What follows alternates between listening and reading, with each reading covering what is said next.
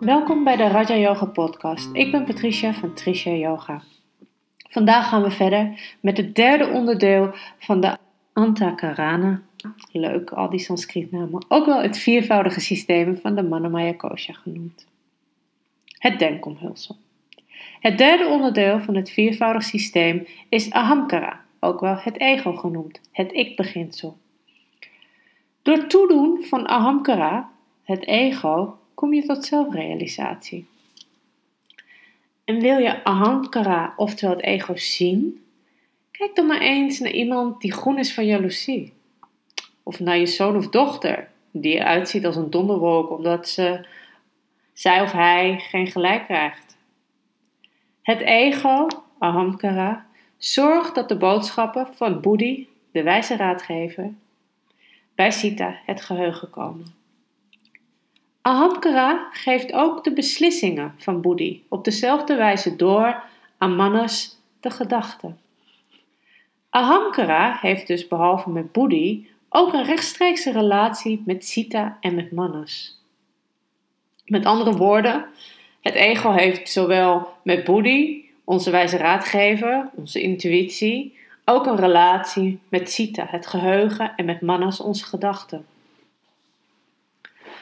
Ons denken, waar het licht van het vanzelf op schijnt, lijkt datzelfde zijn en zegt: Ik ben het. Dat noemen we ego. Dit ben ik. Kan je ook omschrijven als het ego. Ik benheid. Dit betekent in de praktijk dat het ego steeds denkt: Dit ben ik. Ik ben moeder of ik ben vader. Ik ben vrouw of ik ben man. Ik ben ziek ik ben soldaat. Ik ben mooi. Ik ben lelijk. Ik ben groot. Ik ben klein. Ik ben fantastisch. Ik ben stom. Ik ben minder dan jij. Ik ben slechter dan jij. Ik ben langer dan jij. Ik ben groter dan jij. Of ik ben knapper dan jij. En zo kan je nog even doorgaan. Wat je ook nog kan zeggen, wat je ook vaak hoort, is: ik kan het niet. Of ik wil dat ook. Of ik voel mij moe, leeg, dik, dun, mooi, lelijk. En ga zo maar door. Dit is allemaal het ego. Het ego vergelijkt zich dan met een ander en koppelt daar een gedachte over. Ik en de ander. En daarom gaan een ego en het denken altijd samen. Aan ego kun je ook jaloezie en gehechtheid koppelen. Wat is jaloezie?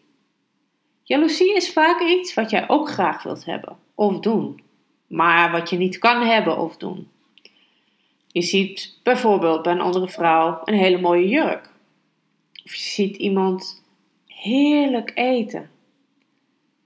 Of er gaat iemand met het vliegtuig op vakantie. Maar jij kan dat niet je kan het niet betalen of je hebt er geen tijd voor, of wat welke reden er dan ook ervoor is. En dat uitzicht dan vaak in jaloezie, want jij wilt het ook. En dan kom je weer bij die ik-persoon en het ego uit. Dit geldt namelijk ook voor gehechtheid, het bezitten van materiaal of emoties. Je hecht je aan emoties, je hecht je aan materialisme, je hecht je aan bepaalde gedachten. En alleen jij kan dit ook weer loslaten. En vaak overheerst het ego, waardoor we minder vanuit onze intuïtie, vanuit onze wijze raadgever, vanuit boedi gaan leven. Wanneer we naar het viervoudige innerlijk instrument kijken, dan zien we dat het ego zich heeft verbonden met het denken en de herinnering. En dat er samen met de zintuigen een voortdurende beweging gaande is. Deze beweging wordt veroorzaakt door wensen, zonder wens is er geen beweging. En zonder de wens om naar bijvoorbeeld de kamer te lopen, wordt er niet gelopen. Zonder de wens om te eten, wordt er ook niet gegeten. De wens is de motor achter deze bewegingen. Wensen zijn de veroorzakers van gehechtheid. Echter, de wens is ook de motor die ons in beweging zet om ons te bevrijden van gehechtheid. De wens is daarom zowel bindend als bevrijdend. Wensen zijn nodig om te leven en te bewegen, op aarde en ons te voorzien in de noodzakelijke behoeften. Wensen zijn echter doorgaans ook gericht op het verkrijgen van comfort.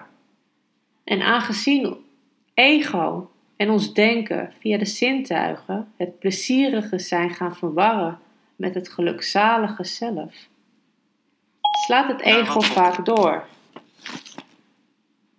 waardoor je niet meer bij jezelf blijft. En hierdoor vervormen gewone mensen en veranderen ze in verlangens en begeerten.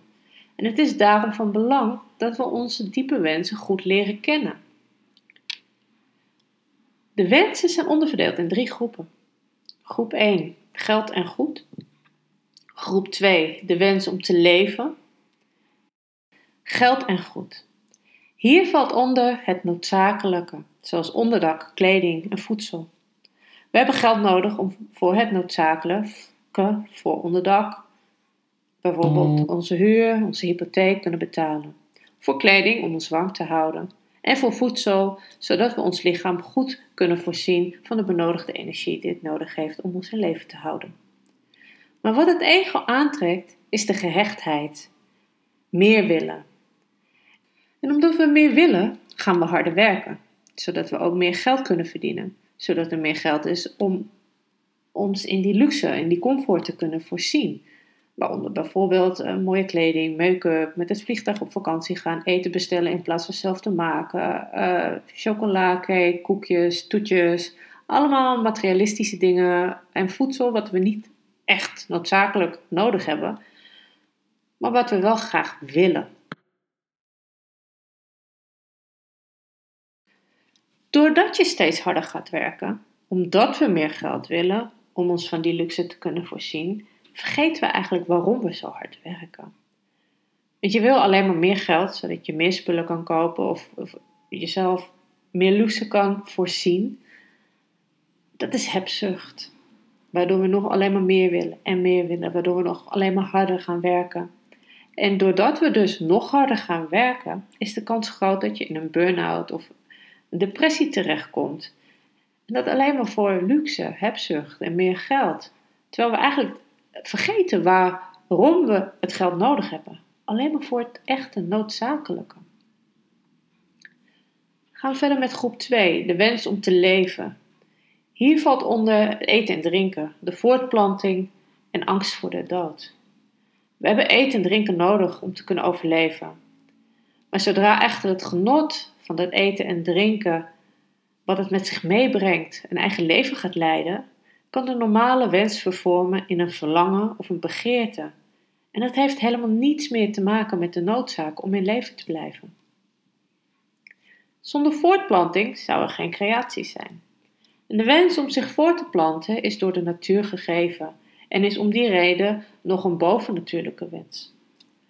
Alles in de natuur plant zich voort, zo ook de mens. De wens om zich voort te planten is sterk, dat staat vast. Seksualiteit behoort in dat opzicht bij gewone natuurlijke wensen, die niet hoeven te worden ontkend of onderdrukt. Maar als de mensen rondom seksualiteit gaan vervormen, net zoals bij geld en goed, wordt weer de oorspronkelijke noodzaak vergeten. En daarnaast hebben we nog de angst voor de dood. Deze zit even diep verankerd als de wens om te willen leven en het kan zijn dat we denken geen angst te hebben voor de dood. Maar zodra we echter bijvoorbeeld onder water worden geduwd, ontstaat er vanzelf een drang om boven water te komen. We vechten voor ons leven. De angst voor de dood is zelfs bij de meeste gevorderde yogi aanwezig. En in wezen is er geen dood, maar slechts een transformatie. Maar toch is deze gehechtheid aan het lichaam groot en helemaal niet gemakkelijk om te overwinnen. Dan gaan we verder met de laatste groep, de derde groep, de wensen van het ego. Hieronder valt aandacht en erkenning. Natuurlijk willen we allemaal aandacht, maar een goed voorbeeld van het vragen om aandacht is bijvoorbeeld twee jonge kinderen die samen aan het spelen zijn. Uh, een van de twee valt, begint te huilen en een van de ouders gaat naar het kind toe, waardoor het kind extra aandacht krijgt dan de ander ja, het is net gevallen, het huilt, het heeft pijn, het heeft aandacht nodig. Het andere kind kan hier jaloers om worden, omdat het kind wat gevallen is nu op dit moment meer aandacht krijgt van de ouder dan hij of zij. En wat gebeurt er dan? Is dat het kind op een verkeerde manier vaak de aandacht dan probeert te vragen. Zodat, zodat ook hij of zij de aandacht krijgt. En dat kan dan bijvoorbeeld door iets te doen wat niet mag, iets stuk maken of iets omgooien.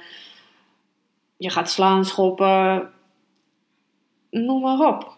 Dat is de verkeerde vorm van aandacht. Ze willen die aandacht, maar dan krijgen ze ook op de verkeerde manier aandacht. Dan hebben we ook nog de erkenning. We willen graag gezien of gehoord worden. Dat willen we allemaal. Ook hierin kunnen we zeggen dat het ego is die gehoord en gezien en erkend wil worden. Maar in wezen hoeven we niet te worden erkend, want we bestaan al. We zijn al onderdeel van het universum. Wat valt daar dan nog meer aan te erkennen? En waarom zou dat nog nodig zijn om anderen vol lof te laten spreken over onze kleding, ons kapsel, ons figuur of onze cijfers op school? Deze wens om erkenning creëert de behoefte om complimentjes te krijgen. En dat alleen maar om ons beter te laten voelen? De illusie is dat we ons bij complimentjes even goed voelen. Maar dat het in werkelijkheid helemaal geen geluk zal brengen.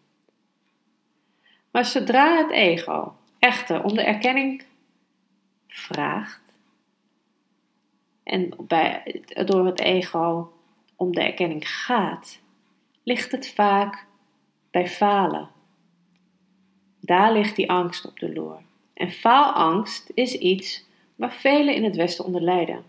En om die reden kan dus deze wens om erkenning van het ego ons dieper in pijn brengen. Opscheppen, hoogmoed en trots, beter lijken dan dat we zijn, komen allemaal voort uit de wens om aandacht en erkenning. Maar bedenk ook, we hebben het ego ook zeker, zeker nodig. Zonder het ego kan je niet voor jezelf opkomen, terwijl het echt wel nodig is en helemaal nu in deze tijd. Zonder het ego weten we niet wat we willen in het leven. Zonder ons ego kunnen we niet naar onze intuïtie luisteren, naar onze wijze raadgever, onze boedie. En zonder ons ego kunnen we niet zeggen: stop, dit wil ik niet. Of stop, dit is niet goed voor mij. Zonder ons ego kunnen we ook geen nee zeggen. En wat ik hiermee duidelijk wil maken, is dat het ego zeker belangrijk is voor ons, maar dat we niet in moeten doorslaan, dat we niet naar de hebzucht en naar het genot moeten gaan. Ga eerst gewoon eens voor jezelf na: wat wil je echt? Wat heb ik echt nodig? Is dit wel erg goed voor mij? En wat zegt mijn gevoel hierover? Wat zegt mijn intuïtie? En dat je dan vanuit daar gaat handelen. Ik zeg niet dat het makkelijk is, maar als je gewoon al je bewustzijn erop zet, dat je er al bewust van wordt wat je doet, dat is de eerste stap. En dan kan je steeds dieper erop ingaan. Als jullie verder nog vragen hebben, laat het dan hieronder in een berichtje achter. Dan zal ik daar zo snel mogelijk op reageren. Volgende week ga ik verder met het vierde en laatste onderdeel van het viervoudig systeem van het denkomhulsel, de Manamaya Kosha. En dit is Sita. En Sita wordt ook wel omschreven als het geheugen. En dan sluit ik af met deze podcast met een korte meditatie. Dus kom lekker zitten op een stoel of op een meditatiekussen of misschien wil je gaan liggen. En voel dan maar even waar je contact maakt met je stoel, het kussen of de grond.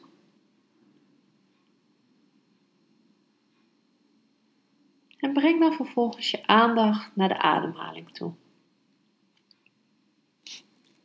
Observeer je ademhaling. Hoe gaat het met je ademhaling? En kijk dan eens of je op elke uitademing spanning kan loslaten. Voel hoe je hierdoor steeds meer ontspant. Op elke uitademing laat je spanning los en voel je dat je steeds meer en meer ontspant. Breng dan vervolgens je aandacht naar het punt tussen de wenkbrauwen, ook wel je derde oog genoemd. Dit is jouw focuspunt. En elke keer als je gedachten afdwalen, keer je weer terug naar dit punt. En terwijl je je focus op het punt tussen de wenkbrauwen hebt, je derde oog, herhaal je voor jezelf: wie ben ik? En observeer je je ego. Dus terwijl je je focus op het punt tussen de wenkbrauwen houdt, je derde oog, herhaal je voor jezelf: wie ben ik? Observeer je ego. En zodra de gedachten afdwalen, breng je het weer terug naar het derde oog, het punt tussen de wenkbrauwen, en blijf je voor jezelf herhalen: wie ben ik? En over vijf minuten hoor je deze stem dan weer.